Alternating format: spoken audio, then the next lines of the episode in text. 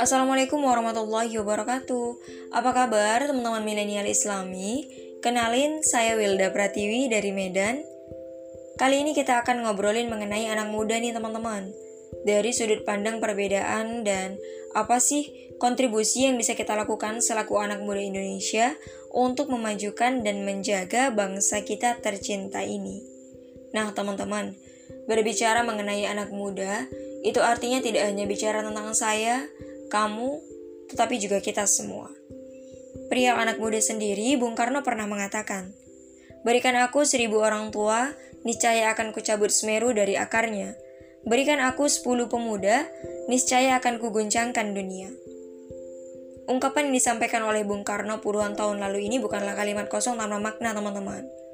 Pernyataan Bung Karno ini merupakan isyarat nih, betapa pentingnya peran pemuda dalam menjadi agent of change atau agen perubahan. Nah, teman-teman, majunya peradaban suatu bangsa tidak hanya ditentukan oleh eksistensi pemudanya saja, melainkan juga ditentukan dari esensi yang ada dalam diri para pemuda. Singkatnya, kita tidak hanya bicara soal kuantitas, teman-teman, tetapi kita juga bicara soal kualitas.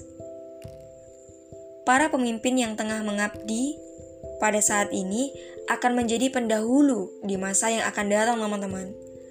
Para pemuda hari inilah yang akan melanjutkan kepemimpinan di negeri ini. Dikarenakan kesempatan ini, semangat para pemuda akan sangat disayangkan bila tak didampingi dengan visi misi untuk membawa perubahan bagi negeri kita tercinta ini. Oleh karenanya, anak muda Indonesia butuh wadah yang representatif, teman-teman sebagai ruang berkembang dan menemukan kedamaian untuk mengenal jati diri. Tinggal di negeri majemuk dan kaya akan keberagaman menjadi nilai tambah untuk kita para pemuda Indonesia, teman-teman. Keragaman agama, suku, ras, dan budaya mengharuskan kita nih sebagai para pemuda Indonesia untuk tidak hanya menjadi agent of change, tetapi kita juga harus mampu menjadi agent of peace atau agen perdamaian. Selain mendapatkan nilai tambah menjadi anak muda Indonesia, kita juga mendapatkan tantangan yang besar, teman-teman. Salah satu tantangan yang kita hadapi adalah perilaku rasisme. Iya, rasisme masih menjadi momok menakutkan yang kerap kali terjadi di lingkungan sekitar kita. Bisa jadi selama ini kita adalah korban, atau malah jangan-jangan kita adalah pelaku dari aksi-aksi rasisme tersebut. Oleh karena itu, cara pandang kita terhadap orang lain di luar dari diri kita mencerminkan tingkat kedewasaan berpikir kita teman-teman dalam memaknai perbedaan yang ada. Mengenai perbedaan, Allah Subhanahu wa taala berfirman dalam Quran surat Al-Hujurat ayat 13 yang artinya, "Wahai manusia, sungguh kami telah ciptakan kamu dari seorang laki-laki dan seorang perempuan, kemudian kami jadikan kamu berbangsa-bangsa dan bersuku-suku agar kamu saling mengenal." Sesungguhnya yang paling mulia di antara kamu di sisi Allah ialah yang paling bertakwa. Sungguh Allah Maha Mengetahui, Maha Teliti. Ayat ini menjelaskan kepada kita teman-teman bahwa perbedaan yang Allah ciptakan adalah fitrah supaya kita bisa saling mengenal, supaya kita bisa saling memahami dan nantinya kita bisa saling menghargai, bukan kebalikannya. Perbedaan membuat kita tidak hanya mengenal keragaman yang diciptakan, teman-teman, namun kita juga mengenal yang menciptakan keragaman itu sendiri, yakni Allah Subhanahu wa Ta'ala. Jadi, jelas, teman-teman, dari ayat ini kita bisa mengambil kesimpulan bahwa rasisme adalah hal yang sangat dilarang dan bertentangan dengan nilai-nilai Islam. Rasisme merupakan bentuk dari kekurangpahaman kita dalam memaknai perbedaan dan juga merupakan bentuk kesombongan diri nih teman-teman. Karena suku tertentu, golongan, ataupun warna kulit tertentu merasa dirinya lebih baik dibandingkan dengan suku, golongan, ataupun warna kulit yang lain.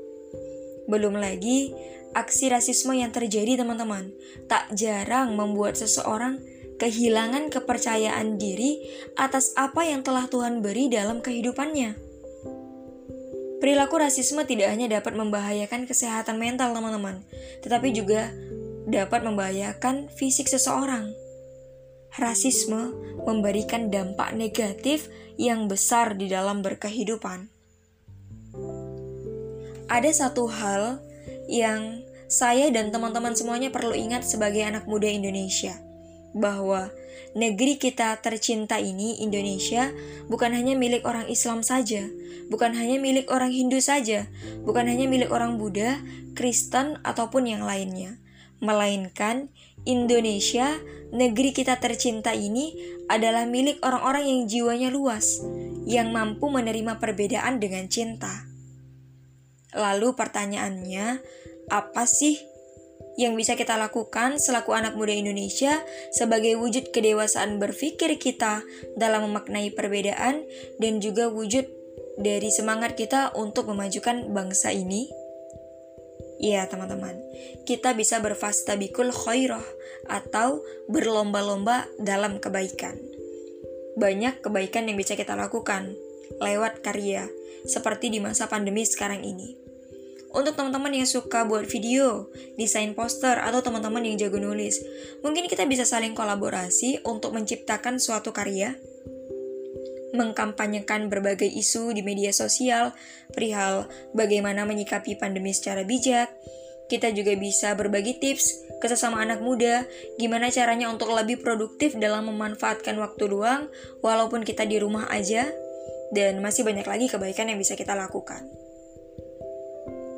Nah, perihal anak muda, salah satu tokoh intelektual muslim Indonesia, yaitu MH Ainun Najib, pernah mengatakan, Jangan resah dengan ujung senja, karena kalian anak muda adalah bagian dari fajar. Jadi, mulai sekarang teman-teman, tidak ada alasan lagi untuk kita tidak bisa berkarya. Tidak ada alasan lagi untuk kita tidak bisa bekerja sama. Apalagi sampai insecure sama diri sendiri. Seperti kata pepatah nih teman-teman. Yang terpenting adalah banyak jalan menuju Roma. Meskipun kita berbeda lewat karya, asalkan tujuannya sama, yaitu bersama menjaga bangsa, itu artinya kita sudah melakukan satu langkah untuk memajukan bangsa ini. Nah, kalau kita bisa melangkah bersama, kenapa harus sendiri? Mari terus berkarya. Wassalamualaikum warahmatullahi wabarakatuh.